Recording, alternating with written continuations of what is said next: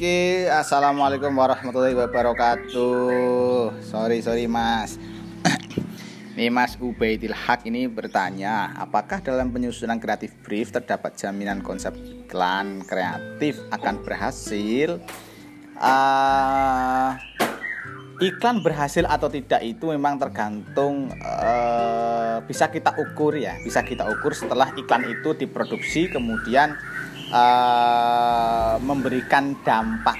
Mengukur hasil iklan itu begitu dampak yang diperoleh apakah sesuai target atau tidak. Nah ketika uh, tidak sesuai dengan target atau itu dikatakan ya tidak berhasil gitu. Tapi ketika sesuai target bahkan melebihi ya dapat dikatakan bahwa kreatif brief itu uh, berhasil kan gitu. Nah jadi apa namanya uh, jaminan ya atau misalkan uh, level atau plan A plan B plan A plan B itu uh, hanya skema ketika misalkan plan A strategi kreatifnya ternyata kurang berhasil nih ya. Misalkan ada sesuatu yang kurang atau ada sesuatu yang apa namanya kurang pas misalkan kemudian bisa gunakan plan B. Atau misalkan di dalam kondisi kedaruratan misalkan ketika kemarin misalkan ternyata eh, kalian misalkan dapat klien kemudian sudah kamu rencanakan adalah produk itu adalah iklannya di baliho ya kan? Di baliho eh, ditaruh di tempat-tempat wisata misalkan karena eh, itu terkait produk oleh-oleh atau merchandise kayak gitu. Nah ternyata ada pandemi misalkan. Nah, Tentu dengan pandemi larangan orang keluar rumah, kemudian orang diminta di rumah saja, wisata-wisata ditutup, Nah, tentu plan A ini kan harus kita ganti, kita rubah menjadi plan B misalkan beralih ke uh, iklan digital misalkan atau melalui uh, YouTube atau misalkan iklan apa advertiser di uh, media sosial seperti itu sehingga atau bisa menggunakan influencer kayak gitu ya. Karena apa? Karena kalau kita paksakan plan A yang digunakan otomatis iklan tersebut tidak akan memberikan dampak apa pun. Kenapa? Karena orang di rumah saja. Kemudian orang-orang juga wisata-wisata juga ditutup. Jadi tidak ada pengunjung, tidak ada yang lihat iklan itu. Sehingga itulah pentingnya apa namanya ada plan A dan plan B dalam sebuah uh, creative brief kayak gitu ya. Nah, gitu. Kemudian ini Hervin bertanya, Berkaitan dengan uh, targeting iklan, adakah perbedaan strategi dalam membuat iklan untuk tujuan mengenalkan produk dengan iklan yang bertujuan mengingatkan customer? Lalu apa saja hal yang perlu diperhatikan? Uh, tentu berbeda, Mas. Jadi uh, ya berbeda ya. Gini, produk-produk yang sudah mapan, produk-produk yang sudah mapan ini ya, itu memang uh, misalkan uh, contoh rokok ayo jangan rokok lah. Atau misalkan ya nggak apa rokok misalkan. Atau uh, deterjen misalkan. Atau misalkan uh,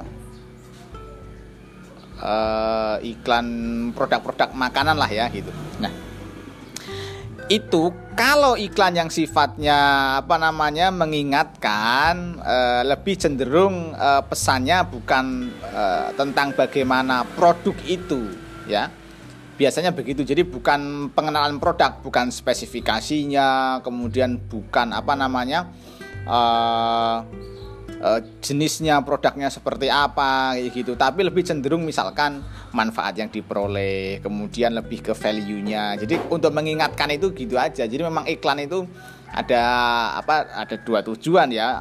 Setidaknya itu ada yang untuk mengenalkan produk. Nah kalau mengenalkan produk ini tentu perlu uh, satu brand baru kemudian perlu ada sesuatu yang apa namanya uh, pembeda ya menonjolkan uh, perbedaannya dari misalkan uh, produk yang lain gitu. Kemudian perlu menonjolkan uh, kelebihan ya dari produk lain. Kemudian yang paling penting adalah informasi lengkap terkait uh, produk yang kita launching atau produk yang kita luncurkan. Itu yang paling penting di situ. Jadi menyampaikan informasi lengkap dari spesifikasi, harga, kemudian dari apa namanya uh, komposisi dan lain-lain kayak gitu sehingga apa namanya uh, orang akan tahu dulu yang penting itu. Tapi kalau uh, tujuan iklannya adalah untuk mengingatkan uh, konsumen ya, ya itu memang lebih bagus apa namanya sekilas-sekilas atau ambil part-part saja yang penting apa namanya uh, produk kita itu selalu terngiang di hati apa namanya uh, konsumen gitu. Kadang memang nggak penting-penting amat, tapi memang perlu diingatkan terus konsumen itu. Kalau tidak nanti uh, konsumen tentu akan apa namanya melupakan ya, apalagi uh, ada gemburan produk-produk yang serupa misalkan seperti itu mas. Jadi apa namanya harus uh, dibedakan strategi yang digunakan ya, Mas Hervin. Mas apa Mbak ini ya, Hervin ini? Selanjutnya dari uh, Frankie Mengenai targeting, tentunya kita kan tidak bisa asal untuk menentukan target tersebut. Lalu apa saja yang harus dipertimbangkan dalam menentukan target penjualan tersebut dan contohnya seperti apa? Jadi memang targeting itu harus disesuaikan ya di dalam perencanaan kreatif ya atau perencanaan apa pun. Perlu adanya target. Nah, target itu harus disesuaikan dengan uh, produk dulu jadi gini, uh, menyusun target dengan membuat produk uh, satu kesatuan yang tidak bisa dipisahkan. Jadi Anda bisa uh, membuat produk sekaligus menentukan target. Artinya begini, produk tidak akan e, bisa kita buat kalau targetnya belum kita tentukan. Jadi dalam perencanaan produk ya, belum lagi nanti dalam perencanaan iklan juga sama jadi targeting ini adalah uh, panduan kita untuk bisa menentukan produk kemudian juga untuk bisa uh, menentukan bentuk iklan atau strategi iklan kenapa karena targeting ini adalah uh, sasaran kita tujuan kita ketika beriklan atau membuat produk sehingga uh, apa namanya uh, sangat perlu diperhatikan ya gitu ya jadi eh, tidak boleh asal-asalan. Misalkan begini, target kita adalah eh, usia remaja ya, misalkan begitu. Atau misalkan mohon maaf eh, alat kontrasepsi di iklan itu kan alat kontrasepsi ada itu. Tentu targetnya adalah eh, orang-orang misalkan target utama lo ya adalah eh, pengganti apa namanya alat KB itu ya. Nah, gitu. Jadi memang berarti targetnya adalah usia remaja, dewasa, kemudian yang membutuhkan pengamanan sehingga apa namanya bisa mengatur jarak antara anak pertama sampai anak kedua, kemudian keamanannya dan seterusnya. Berarti kan ini tentu targetnya adalah untuk usia dewasa, bukan untuk anak-anak kan gitu. Nah, dari situ bentuklah iklan misalkan bagaimana uh, iklan itu oh ternyata kontrasepsi tentu kan kita tidak boleh menunjukkan pornografi kan nah, nah kemudian uh, hanya misalkan simbol miriplah dengan iklan rokok seperti itu ya gitu. Kemudian menggunakan simbol keluarga yang bahagia maksudnya kemudian keluarga yang tidak apa namanya misalkan anaknya terlalu banyak uh, jaraknya cuma 10 bulan 10 bulan misalkan kemudian ekonominya hancur dan seterusnya gitu. Kemudian apa namanya ibunya yang sehat gitu dan seterusnya. Nah tentu uh, itu sangat penting sekali mas. Jadi apa namanya benar. Jadi intinya uh, target tidak boleh asal apa uh, menentukan tergantung produknya ya. Jadi target itu ditentukan dengan produknya. Jangan sampai produknya apa kemudian targetnya adalah salah. Ketika salah target akan salah semua akhirnya gitu ya. Sehingga uh, akan bangkrut bahasanya seperti itu. Nah ini dari Arya Izin bertanya Pak mengenai branding. Nah, dalam podcast dikatakan suatu branding yang membooming atau viral dikarenakan eksekusi iklannya bagus. Bagaimana masuk dari kalimat tersebut, Pak? Bagaimana juga contoh iklan dengan eksekusi yang bagus? Terima kasih. Jadi begini, Mas. Uh, branding ini kan proses ya, proses uh, bagaimana kita membuat uh, produk kita, membuat iklan kita, membuat merek kita ini menjadi e, dikenal banyak orang atau bisa dikatakan e, orang langsung antusias begitu melihat e, apa namanya e, produk kita. Misalkan kalau di Jogja itu ada namanya e, roti gembong ya, yang yang agak-agak baru lah gitu. Dia e, atau jangan roti gembong deh. Kalau teman-teman e, dulu-dulu ya ada di Jogja itu skincare namanya Natasha itu. Nah, Natasha ini skincare ini kan uh, selayaknya itu dulu itu kan untuk perempuan ya. Nah, tiba-tiba Natasha ini menggunakan iklan itu banyak yang dipampang di situ skincare itu adalah cowok-cowok jadi cowok-cowok maco kayak gitu ya gitu di baliho-balihonya kayak gitu sehingga uh, bisa merubah mindset oh kalau yang skincare sebelum Natasha itu rata-rata iklannya itu adalah orang perempuan-perempuan semua yang cantik-cantik mulus-mulus putih-putih.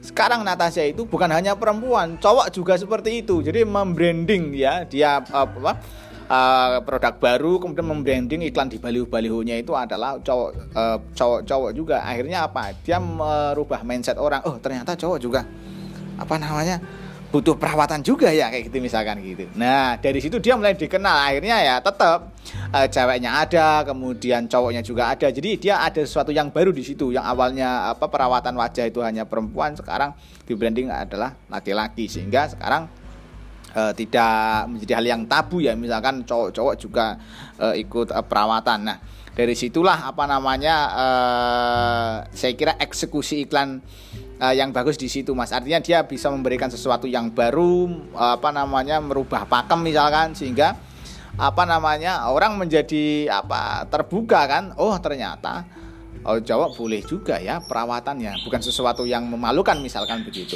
Bahkan ini menjadi suatu tren dan kebutuhan itu. Sehingga apa? Natasha dibanjiri ya dengan para pengunjung bukan hanya perempuan tapi juga laki-laki. Kenapa? Karena ternyata dia menangkap begini. Rata-rata banyak juga ternyata perempuan-perempuan itu yang melakukan perawatan di Natasha itu diantarkan oleh laki-laki atau cowoknya gitu loh atau suaminya sehingga suaminya kalau di sana itu cuma diam-diam menunggu saja. Dan setelah apa ada analisis ternyata juga eh, tidak masalah. Suaminya juga ingin melakukan perawatan seperti itu. Sehingga akhirnya oh ini ternyata boleh juga ini apa namanya eh, digunakan sebagai eh, perawatan untuk laki-laki gitu. Sehingga dieksekusilah iklan yang bagus gitu ya. Seperti itu. Nah kemudian ini dari Koko Cino, Koko Cino ya. Siapa namanya? Muhammad Rizky Pratama ya. Bertanya bagaimana cara mengiklankan sebuah produk yang belum memiliki nama besar secara baik dan efektif agar iklan yang kita buat dapat meningkatkan minat beli konsumen terhadap suatu produk tersebut. Nah, tentu mas caranya itu ya beragam-ragam ya. Apa namanya sudah saya sampaikan bahwasanya cara yang paling efektif ya dan efisien untuk apa namanya dengan produk atau e, nama yang belum begitu besar, tentu yang pertama tadi ya gunakan perencanaan kreatif iklan ya. Eh, teman-teman semua bisa apa namanya tentukan kreatif briefnya, kemudian targetingnya, kemudian apa namanya eh,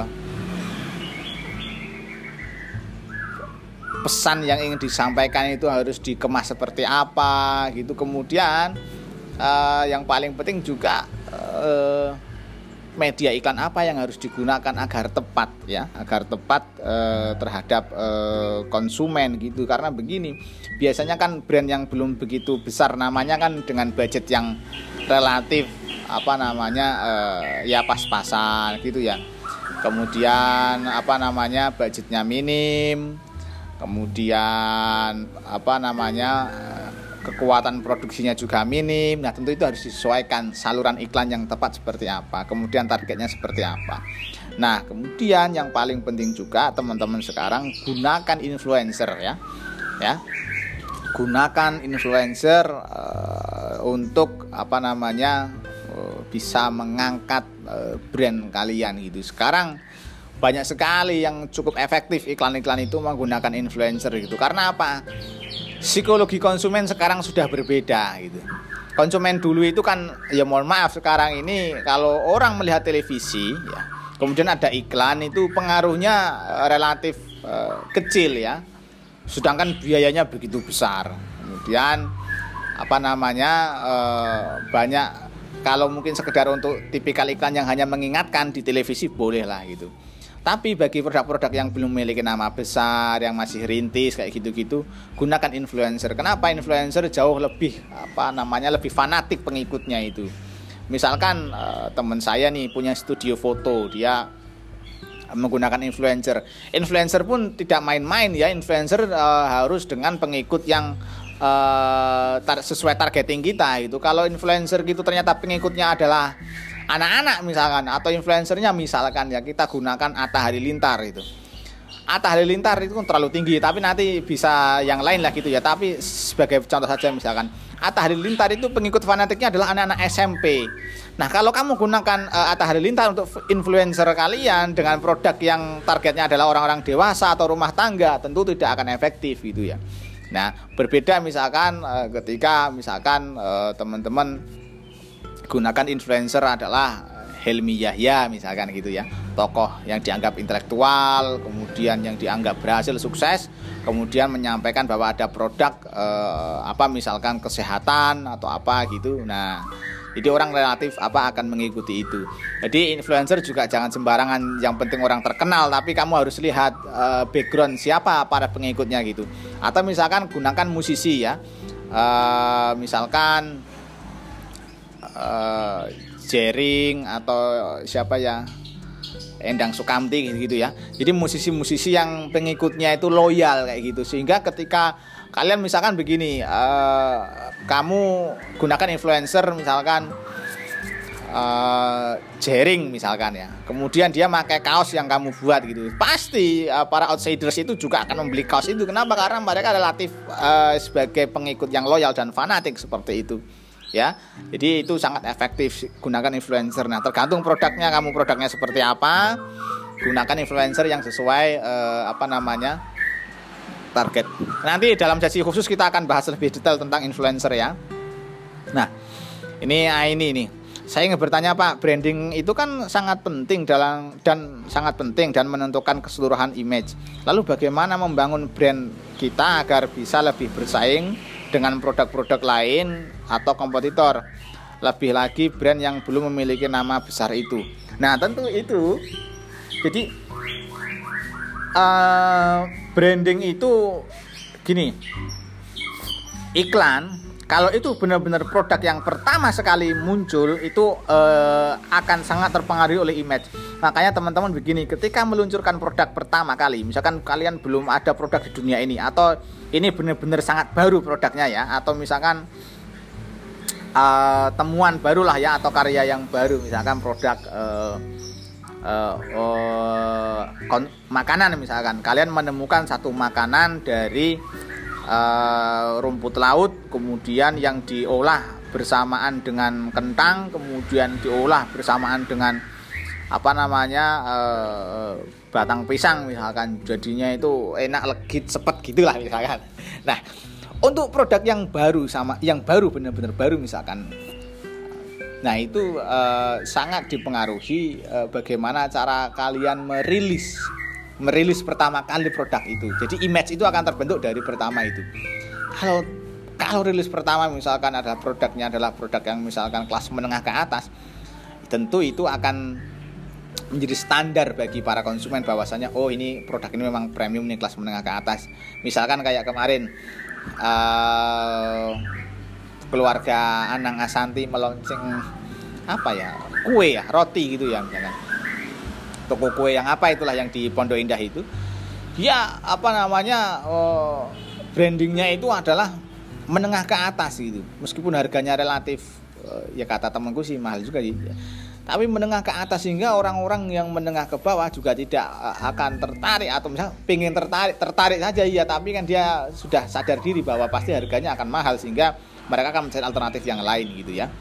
Berbeda dengan uh, roti gembong yang saya sebutkan di Jogja itu dia brandingnya adalah memang apa namanya uh, roti yang merakyat ya.